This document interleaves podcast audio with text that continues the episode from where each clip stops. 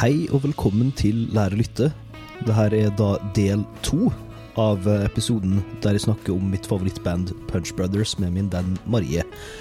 Så om du er ny her og du ikke har hørt del én, sjekk ut del én først. Det er jo viktig å ikke bli kasta midt inn i samtalen, vet du.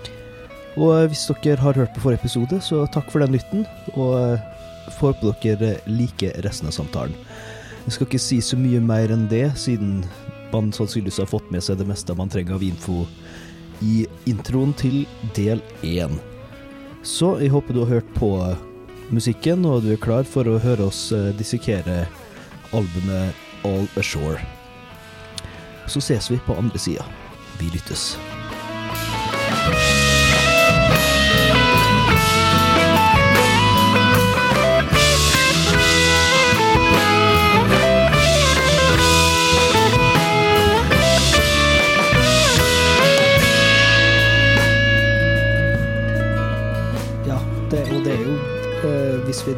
Vi Nå kan vi kanskje hoppe videre til All the Shore, da.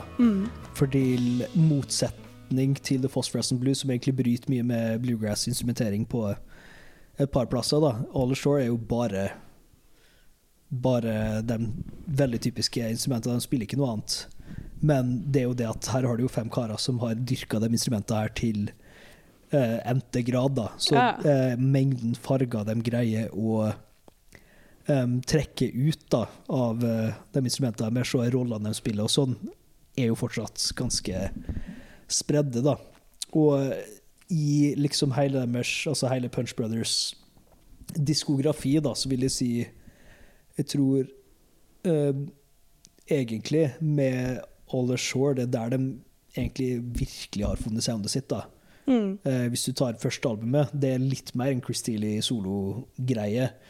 Inkludert en lang klassisk suite han har skrevet sjøl i forhold til hans eh, smertefulle brudd med forrige eh, kone. da. Mm. Og så har du to litt mer poppete album, egentlig. Det er, altså det, det er nesten straight up pop-låtskriving, eh, begge de neste to alba. Ja, som jeg føler er en ganske vanlig retning ganske mange musikere tar. Når de liksom har mm. fått bitte litt grobunn, så tenker de nå må vi tilpasse oss Ja. sånn at vi kan slå igjennom, og så kan vi begynne å spille musikken Ja. vi har lyst til å spille. så, fordi da bryter de jo veldig med The Phosphorescent Blues. Mm. Og så kommer det til All Shore, som eh, Det bryter ikke like bevisst, nødvendigvis. Jeg tror det bare bryter på en sånn måte som er akkurat nok da, for dem selv. Det, de har ikke noe å bevise lenger. Nå er det bare nå gjør vi det, det vi vil.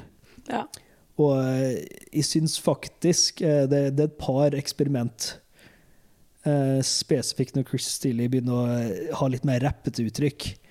Det, det funker ikke like bra, syns jeg sjøl, men jeg respekterer jo bandet fortsatt utrolig for at de eksperimenterer og gjør det de føler for. Og Ja. Chris Steele elsker jo hiphop, eh, som man begynner å merke hvis du følger med på radioprogrammet han holdt en stund. og litt sånne ting da, ikke? Han, han lytter jo så bredt, faktisk. Mm.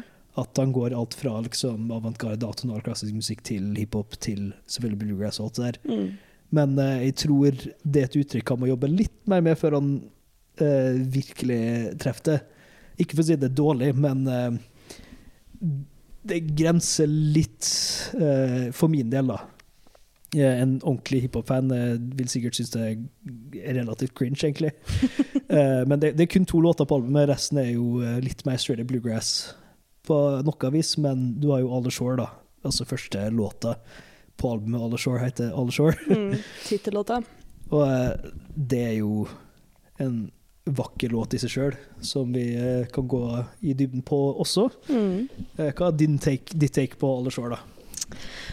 Jeg Først så vil jeg gjerne bare spille litt videre på det du sa om at det er mindre, det er færre overraskelser. Mm. Færre brudd med forventningene, på en måte. Men jeg tror det også har litt med at det albumet her i hvert fall virker som at det har vært et mye større fokus på tekst. Ja. Og øh, som jeg snakket om, med, altså, fortellinger og situasjonsbeskrivelser. Da. At eh, de overraskelsene har blitt fjernet for å gi rom til det tekstlige. Og det Chris Steele og egentlig hele bandet har lyst til å formidle. Da. Eh, så jeg tror Sånn tekstlig så er dette her mitt favorittalbum. Mm. Eh, men jeg falt jo helt pladask for den All Ashore, husker jeg. Ja. Tittellåta, altså. Um, når var det albumet kom ut? Det var vel i fjor Det må ha vært 2009, 19 Det er så lenge siden. blir det vel. Uh, fordi eh, eh, var i hvert fall på ferie i Canada da den kom ut. Ja, ja det, det, du sier noe der. Jeg Mm. husker i hvert fall at jeg var midt i en skrivesperre på låtskriver. Det var vel første året mitt, da. Eh, og visste ikke helt uh, om jeg altså, var på riktig sted, hva, hva, hva jeg har lyst til å skrive, hvorfor gidder jeg å lage musikk, liksom. Og det er en sånn prosess som alle går gjennom i ja, Hver dag. hvilke, ja, definitivt. Uansett hvilket prosjekt det er snakk om, da. Hvorfor gjør jeg det her, hvorfor gidder jeg, hva er intensjonen min? Og av og til så kommer man ikke fram til noe. Det er ikke noe problem, det er en prosess som tar tid. Men jeg husker jeg var så gørrende frustrert. Jeg klarte ikke liksom finne en eneste sang eller et album eller en artist som inspirerte min egen låtskriving. Helt fram til jeg hørte den All Ashore. Uh, og da var jeg smart nok til å sette meg ned med teksten med en gang. Uh, etter å ha hørt den én gang, riktignok. Så jeg fikk jo et førstegangsinntrykk. Men da tenkte jeg mer på så Jeg syns den gitarrytmikken i starten var bare så kul og liksom Mm. streit, men uventa, på en måte. Uh, men så leste jeg teksten, og den er mesterlig skrevet, rett og slett. Nå er jo ikke jeg noen profesjonell låtskriver, av noe slag, men jeg har jo, er jo på tredje året mitt i en bachelor. så jeg har Du Det er mer komplisert enn eh, de fleste, tror jeg. Ja. Eh, Og som sagt, med den interessen min for tekster helt siden jeg kan huske, jeg har jo gjort meg noen tanker om hva jeg syns er bra låtskriving og ikke, da. Men han bruker uh, Altså, det er en sang som beskriver forhold mellom foreldrene hans. Ikke nødvendigvis hans egne, den er jo egentlig skrevet inspirert av at han selv ble pappa. Uh, men er eh, skrevet fra perspektivet til sønnen. Sønnen hans var tre år gammel da han skrev den, så det jo, er litt åpent for tolkning hvor gammel du syns han burde være. da, Men han beskriver på en måte mor og far med så utrolig brede, eller forskjellige metaforer. Men så blir det på en måte så mesterlig sveisa sammen til slutt. Han begynner jo hele sangen med 'Mama cuts like a man of war'. Through the fog of an early morning with nothing more than a coffee filling up her sails. mm. Altså, jeg husker jeg ble, bare så, jeg ble så avslappet da jeg leste den setningen. For jeg, hun, den karakteren minner meg utrolig godt om min egen mamma. Mm. Uh, bare en sånn Uansett hvor jævlig den dagen her kan bli, så må jeg bare gjøre det. Jeg må opp, jeg må gjøre det jeg skal, jeg må ha i meg kaffen min, og så skal jeg klare det her. Dette får jeg til. Jeg er kaptein av den skuta her. Og så går han videre til å beskrive faren sin. Eh, hvor han snakker om at ja, i motsetning til mamma som står opp daggry og gjør det hun må for å komme seg gjennom dagen, så er pappa fortsatt på en måte fanget i sine egne sorger. Eh, han ligger i senga, og han eh, brenner Daddy burns like a meteor through a night of his own diversions. Altså, det er en fantastisk metafor, syns jeg. De er to vidt forskjellige mennesker, like destruktive på sin måte. Mamma internaliserer, pappa eksternaliserer ved å synes synd på seg selv og på en måte ligge i den sorgen og ja. Det er eh, et eller annet med den teksten som bare skikkelig, skikkelig treffer. Så går han jo da videre igjen til å beskrive perspektivet fra deg, som jo er sønnen, men det blir på en måte deg som lytter. Lytter er et barn, i hvert fall. Eh, ja, det er definitivt det. Det skjønner man jo på en måte med måten de beskrives på også. For det er, ikke, det, det er ikke en evne til å sette ord på faktiske følelser. Det er ikke pappa er sint, mamma er lei seg. Det er pappa er destruktiv som en meteor, Mm. men han ødelegger bare for seg selv. Mamma er stoisk og øh, streng og rett på sak. Hun er kaptein av sitt eget skip, selv om hun ikke vil det. Og jeg er trubaduren i bakgrunnen som bare setter ord på ting og observerer og prøver å få endene til å møtes og få dem til å forsone seg. Da. Som er ja, ganske interessant måte å skrive en historie på, egentlig. Mm. Det er veldig sjelden man leser, eller leser tekster og hører låter som tar det perspektivet i bruk, og som klarer å sette ord på et så altså bredt følelsesspekter, da. Uten å egentlig ha en start og en slutt på fortellingen. Mm. For det er ikke noe 'mamma våkner, og så gjør hun'. Mamma våkner på denne måten. Sånn er hun. Mm. Og du får allerede et massivt bilde av hva slags type person hun er. Eh, og pappa er sånn. Og du kan allerede se for deg at han kanskje tyr til flaska oftere enn han burde. ikke sant? For om det er din tolkning, hva enn vet, jeg vet, men ehm, Ja, nei, den låta her er bare dritfin. Ja, den, den, den slår det veldig fort. Jeg ville anbefalt alle å gå inn, gå inn og lese den teksten. Hvis du ikke skjønner ord, så stopp sangen og google dem, og hør på det en gang til, og gjør det tre ganger. Jo, jo flere ganger du gidder og orker å sette deg inn i den, jo lettere blir det på en måte å legge fra seg alle forventningene og bare føle. Mm. Som du sa, lukke øynene og høre på låta, og ikke, og ikke åpne dem før du har hørt den, Mm. og vært i den. Ja, for at du blir veldig eh, Jeg har jo fordelen eh, av å ha hørt på den her i utrolig fine omgivelser, da. Mm. Eh, Når det er såpass mye naturreferanser, skipsreferanser, sånne ting som er ute og går, da. Eh, fordi at, sånn som jeg nevnte, vi var på ferie i Canada da den her kom ut, og i og med at jeg er ganske så stor Punch Brothers-nerd, da, så var jeg sånn OK, eh, i dag kommer det ut, nå har jeg lasta det ned på Spotify, jeg står opp for alle andre i huset, og så går jeg med en tur, for da var vi og campa rundt Clear Lake, som er Altså, i Canada har man jo digre innsjøer, de Mm. største i verden, da. Eller bortsett fra én i Afrika, men de har flere. uh, I hvert fall, altså, du har det, og så har du et stort fjell, og du har en sol, og du har mye sånt. da, Det er stille, ikke sant? Du hører bare litt uh, forskjellige crickets og sånne ting. da. Så Norge på en større skala, egentlig. Norge på en større skala. Mye av kanadisk natur er litt sånn, faktisk. Mm. Eh, Norge har sine ting, da, selvfølgelig, men eh, i hvert fall altså, begynne å gå langs eh, den svære innsjøen her da, og bare høre på den da, ikke sant? Og startet det med den der eh, litt rare banjo-riffet som på en måte kommer litt, litt ut av intet, men med sin egen, egen rytme, da, så får du en sånn rolig melodi, eh, som også er en av de nyttige tingene med å ha en eh, kontrabassist som er klassisk trent. da. Han kan spille utrolig fint med bue. Ja. Så da har du fiolin og kontrabass, eh, der kontrabassen spiller veldig lyst. da. Og den sitter og spiller en melodi, og så har du eh, gitar og mandolin som spiller litt sånn tremolo-greier eh, mot dem. da, og Så ligger du litt i den følelsen her, ikke sant? og så kommer den der gitarrytma fram. Mm. Og så ligger vi litt der òg. Liksom, den sangen tar så god tid før vokalen kommer inn, og så kommer det med hele den historien, da, ikke sant?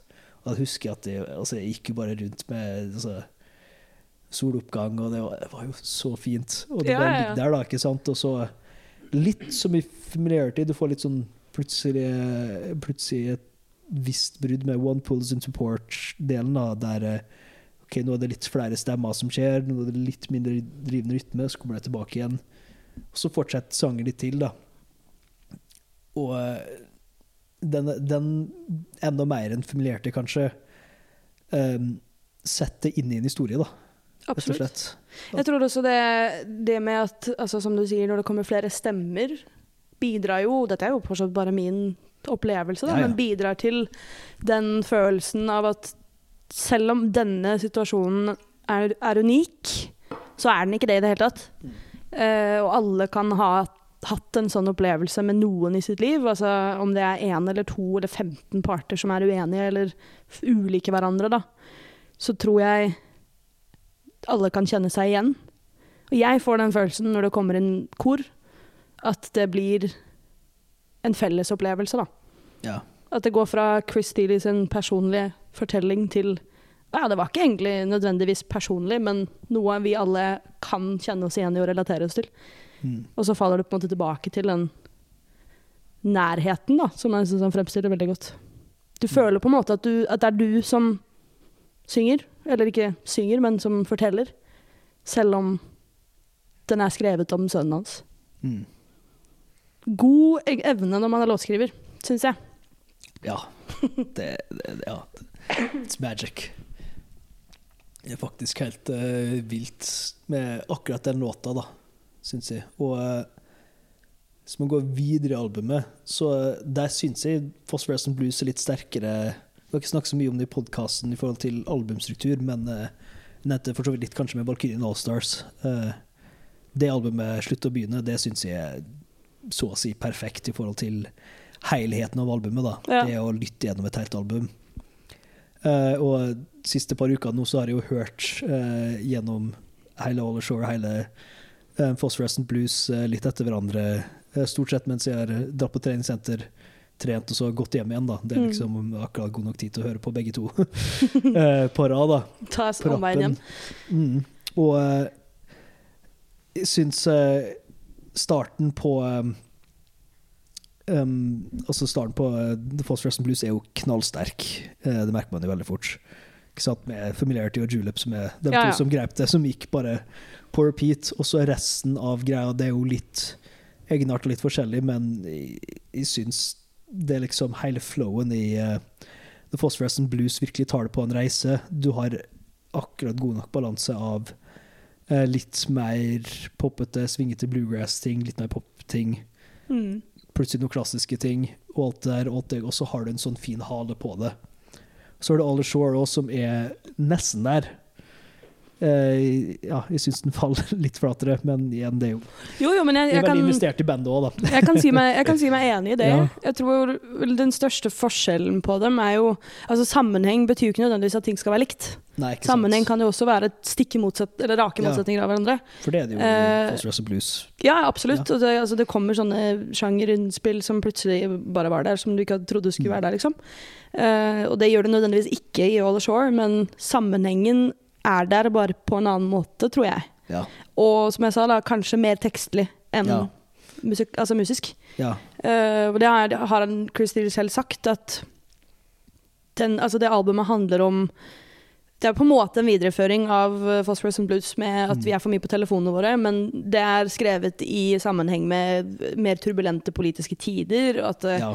i større grad så handler det ikke nødvendigvis bare om at vi er for mye på mobilen, men vi er ikke nok sammen.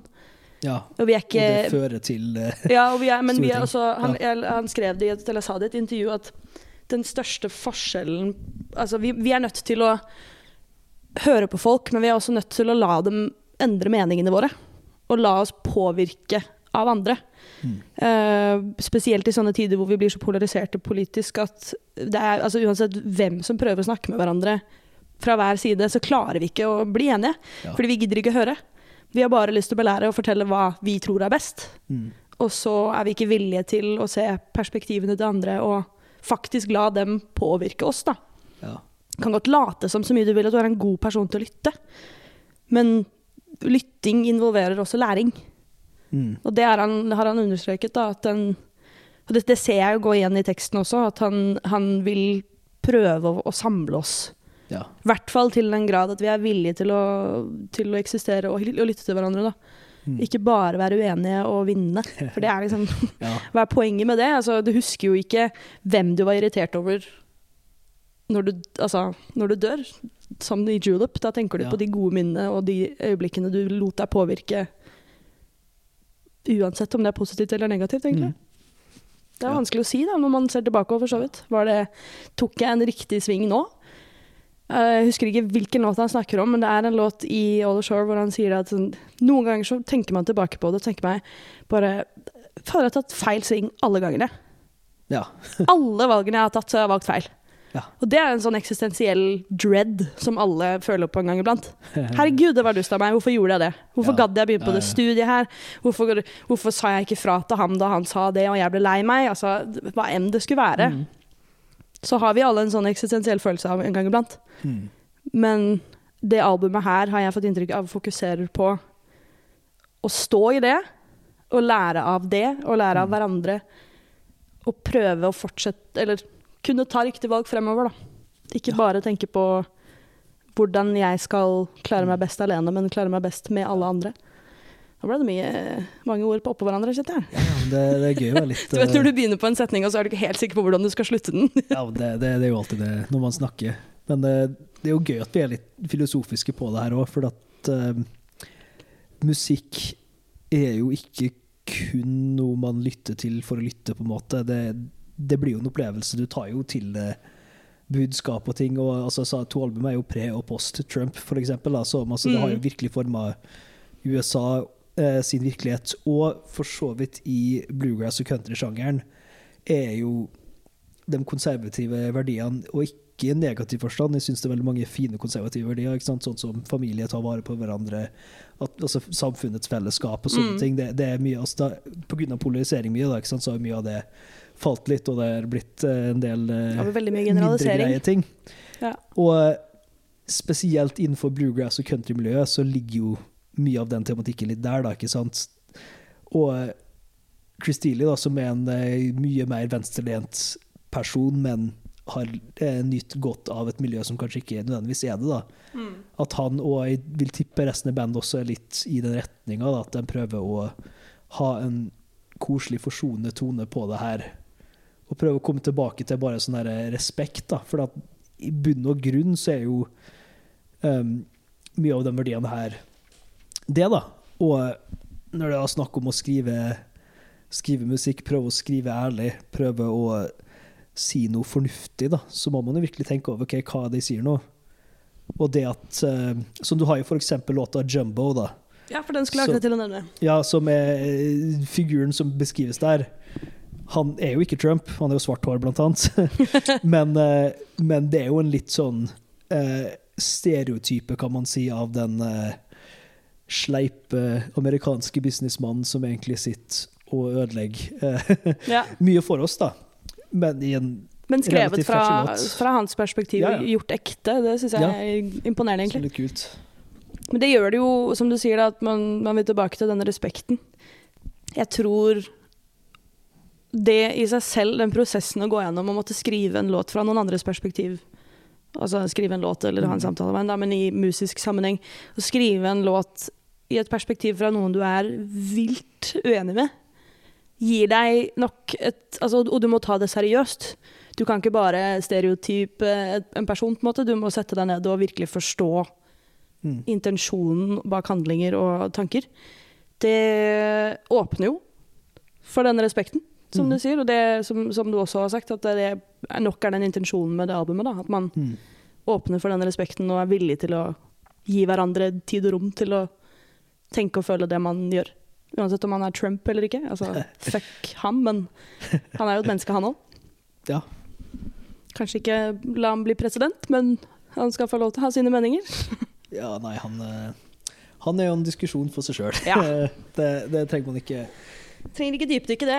dypdykke det så mye. Men eh, sant, det er jo empatien, da, som også igjen er låtskrivers eh, verktøy. da, At du, blir jo, du begynner å fortelle din egen historie, du begynner å oppleve din egen historie. Mm. Og da kan jo den historien være hva som helst. Mm. Det kan være et barn som ser et toksisk forhold. Det kan være da Jumbo som går rundt og eh, prøver å brøyte seg rundt og sånn. Og har du lest noe inn i teksten på The Gardener? Nei, det har jeg ikke. Nei. Ja, eh, jeg er jo, er verdens dårligste tekstmenneske, selvfølgelig. Passer bedre når du har musikkpodkast, men eh, inntrykket er litt ikke Det er tinga vi gror, da. Du har en Gardener-karakter, på en måte, som Det er litt det vi velger å dyrke, det vi bruker tid på. Mm. Det er du. Og det du da bruker tid på, det du Vi må tenke litt på hva det er vi fostrer, hva vi vokser i hagen vår, da. Fordi at eh, Ja, ja. Det samme som Det den similen med du har en ond og en god ulv inni deg, hvilken skal Mm. du mate? mm, Det er jo altså det, er, det er jo egentlig bare en avbildning av hvordan vi mennesker fungerer. Mm. Uansett om vi, er, om vi er aktive og klar over den prosessen, altså bevisste i den eller ikke. Det, som regel så er man jo Mm. ikke det. Det er ikke sånn at vi aktivt går rundt og tenker filosofisk rundt vår egen Mm. eksistens og hvilke valg vi tar. Det kommer av og til som en sånn eksistensiell krise, Mm. ofte på negativt vis. Veldig sjelden vi er gode på å skryte av oss selv for å ha dyrka mm, gode egenskaper. Men det er noe vi gjør daglig. Om man velger, hvis jeg er enig du er irritert over, og så er det med en annen venninne og snakker om den personen, så kan du jo selv velge om du har lyst til å snakke dritt, eller om du har lyst til å la være å snakke om det, eller om du har lyst til å prøve å snakke rundt det og komme fram til hva kan være grunnen til at det skjedde. Jeg jobba i hjemmesykepleien en stund, og første vi lærte på jobb, var hvis en bruker er sint, 99% av tilfellene så er det ikke pga. deg. Ja. Du er der og tar imot den, men det sinnet kommer fra et sted du ikke kjenner til. mm, Og det er noe jeg har tatt på meg videre med alle relasjoner jeg har, at jeg selv syns det er dritviktig å gi den personen sjansen til å ha en annen intensjon enn du først opplever. mm. For eksempel, da. Altså Noen mennesker viber bare ikke. noen kommer ikke så godt overens. Og det, det er jo greit å innse, og da kan man jo kanskje ha den respekten. OK, vi trenger ikke henge sammen uh, Nei, ikke sant? så mye lenger, men eh, vi skal liksom empatisere så godt vi kan nå, og så Ja, ja. Ses da, altså, vi ikke. selv om, selv om, uh, selv om, om, om du hadde hatt Mm. en skittig holdning som jeg absolutt ikke var enig med, mm, Du og jeg spesifikt hadde nok hasha det ut, da. Jeg hadde konfrontert Ja, ja. deg på det, men det er Som folk kanskje hører, så diskuterer vi mye politisk Ja, ja, ja. etter hvert. Men. men der igjen så har jo vi allerede skapt et rom for at det skal være lov. Og da har vi dyrket en egenskap på Mm. tillit med at jeg kommer jo ikke til å si noe som går på personangrep på deg, Nei. eller som er urettferdig. Mm. Uh, vi har lyst til å ha, ha rom og åpenhet for at vi kan snakke med hverandre om sånne ting, fordi vi vet at vi, vi gagner noe av det. Mm. Uh, og det er jo ganske viktig, da, at man tror jeg i hvert fall, at man går inn igjen med intensjonen om at du kjenner ikke mennesket før du Mm. kjenner dem, og selv da så kjenner du dem egentlig ikke. Ja. Gi folk rom til å eksistere og gjøre feil og bevise hva som enn skulle være, før du Mm. forhånds forhåndsdømmer. Uh, om det så være Jumbo eller Trump eller hvem det skulle være. Mm. Så prøv å forstå. Liten digresjon til Ja, på samme ok. tema. Ja. Jeg så eh, 'Jorden er flat', den dokumentaren på Netflix. ja, den er gøy. Det er jo en stund siden, da. Men da husker jeg det var, um, det var jo NASA-konferanse rett ved siden av denne um, Jorden er flat Comic-Con, nesten, hva man skal kalle det. Altså samlingen. Ja, komisk er det i hvert fall. Ja, kan du si. Uh, men da var det jo uh, klart nok mye kødding og mye tulling med disse flat eartherne, da. Blant NASA-miljøet, eller forskermiljøet, kan man si. Jeg tror ikke alle var NASA-forskere, men de var i hvert fall vitenskapsfolk, alle sammen. Eh, og det var mye latter og mye sånn herregud, altså. Det er sjukt å tenke at, å tro i 2020 at jorda er flat, liksom. Men da var det en som hadde foredrag der som sa en fin linje som egentlig går på mye av det samme. At eh, beste måten å kommunisere med dem på, tro det eller ei, er ikke å snakke ned om dem. Ja. Vi må snakke til og med. Ikke nedover, Mm. rett frem. Hvis vi absolutt skal gå inn for at de skal lære at jorda er rund, så gjør vi ikke det ved, ved å belære. Da må man snakke sammen og hjelpe hverandre med å forstå.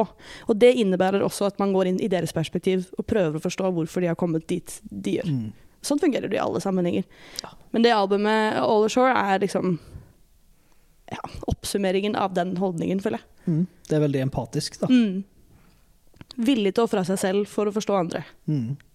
Det tror jeg Chris Tilly definitivt er. Ja. Og det, Og sikkert hele bandet òg, men det ja, hele bandet, og- altså, tekstene er jo mest stilige òg. Mm. Det kommer jo veldig fram. Men at alle eh, den, altså den, den musiske karakteren til alle sammen eh, Spesielt når du har nerda litt og hørt på det andre de gjør. mm, Eh, det kommer jo fram, det òg, eh, på egne vis. Og, men ikke minst at alle er jo der for å underbygge låta, da. Ja. Alltid.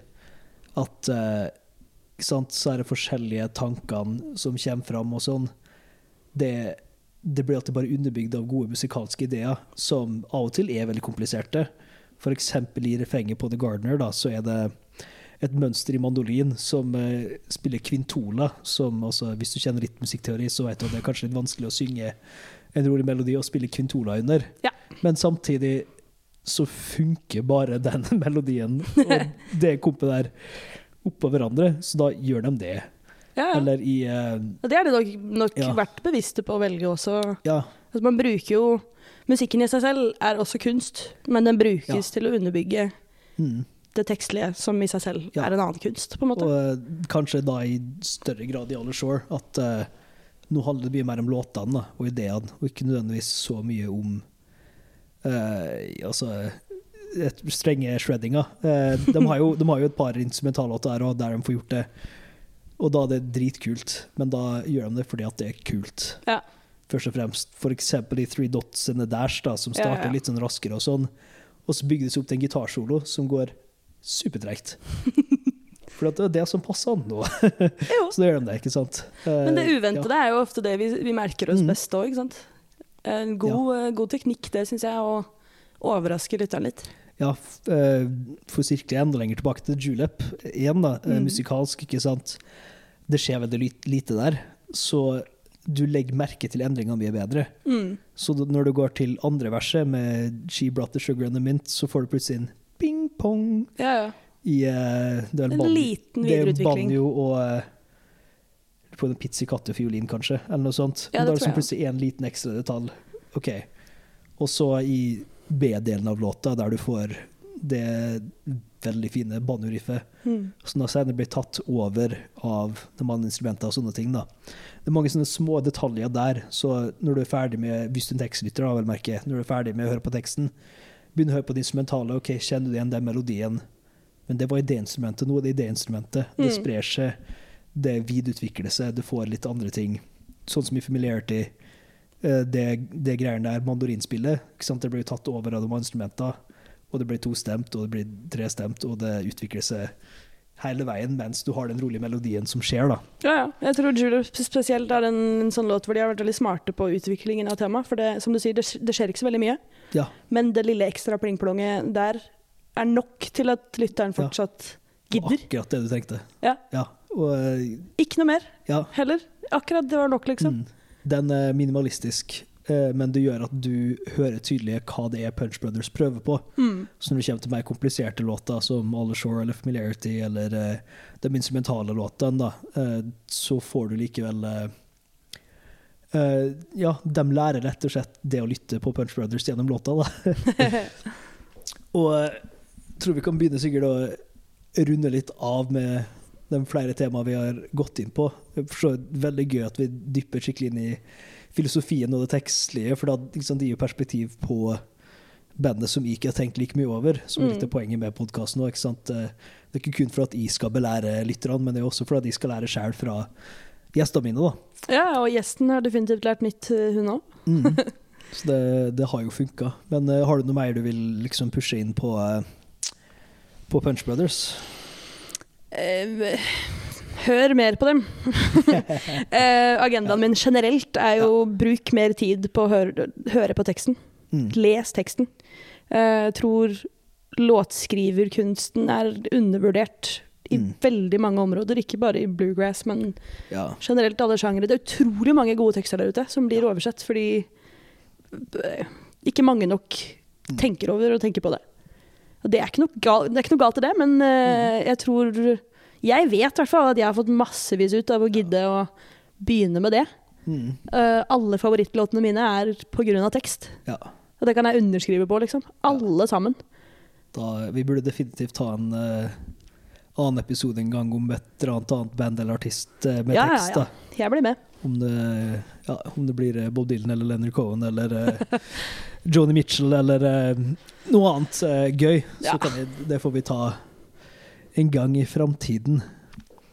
Er det noe Ja, nå blir det jo dagens akkord, da, først. Ja. Og da er det klart. Så har du noe fôr til dagens akkord. Ja, det kommer jo fra familiarity-teksten, da. Uh, gikk inn og prøvde å analysere litt hva disse ulike ordene betydde. Da, betydde, uh, betydde. da kom jeg over et ord han bruker som jeg aldri hadde hørt før. Som er 'thurable'. Som på engelsk betyr røkelseskar. Altså det man bruker i kirken uh, under seremonier. Røkelseskar. Ja. Vel, det er jo kirkelig, først og fremst. Og eh, da tenker jeg kvinta. Men mm, Jeg selv er helt blank, så jeg har kanskje gitt deg en vanskelig. men- men, eh, For ligge og koke Pappa og jo gått litt dit da i noen ting med at uh, muligens i tidligere kirker så var det røkelseskaret fylt med noe hallusinogenisk uh, stoffer òg. Så jeg tenker en litt fucka kvinnsbasert greie. Jeg liker det. Skal og Nei. Uff. Tør vi, der? Okay. Spenstig.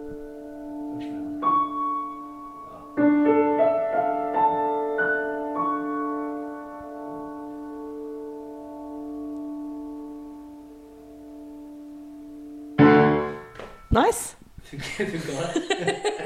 Psykedelisk som bare faen, jo. Ja, meget. Åh. Har du rekord, eller eh, du føler du er good? Jeg kan godt ta en, jeg, altså. Ja.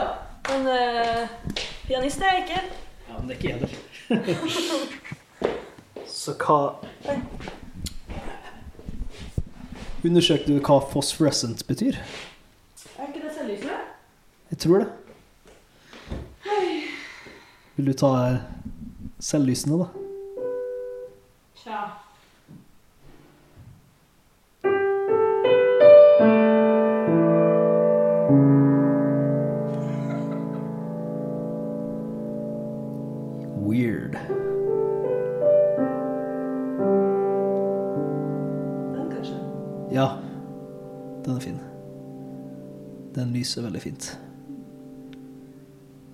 Du bare ta den en oktav ned? Hvis jeg skulle ha spilt det? Var det jeg det. Ja. Ja. Jeg var ikke så god på det, jeg. Nei, det er ikke jeg heller. Jeg bare gjør det for å utfordre meg sjøl.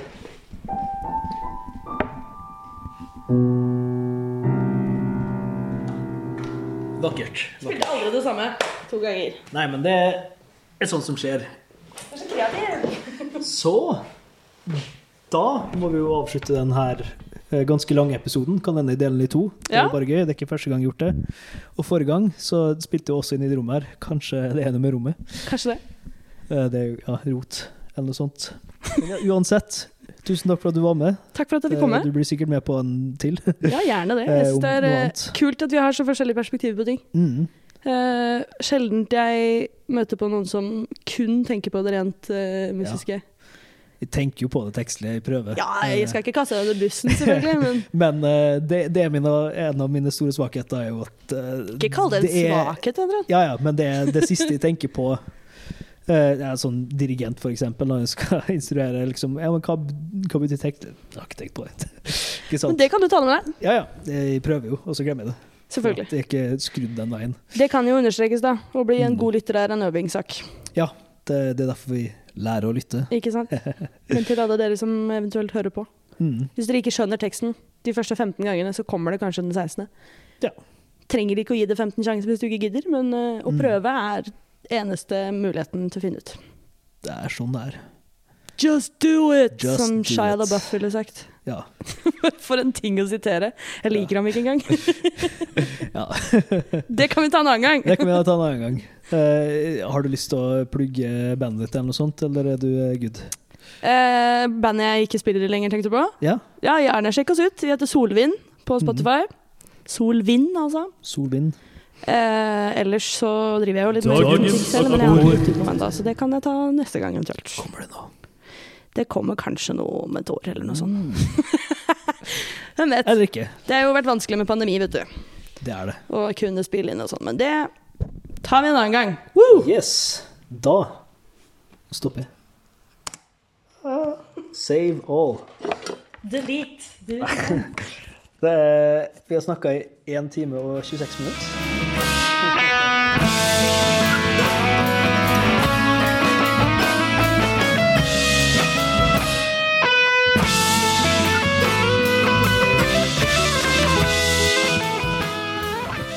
Det konkluderer da min samtale med Marie om Punch Brothers. Jeg håper virkelig at uh, folk sjekker ut eh, bandet. Jeg er jo veldig glad i dem. og jeg vil jo gjerne bare nøle mer om dem med alle jeg kjenner, så det er jo alltid veldig gøy.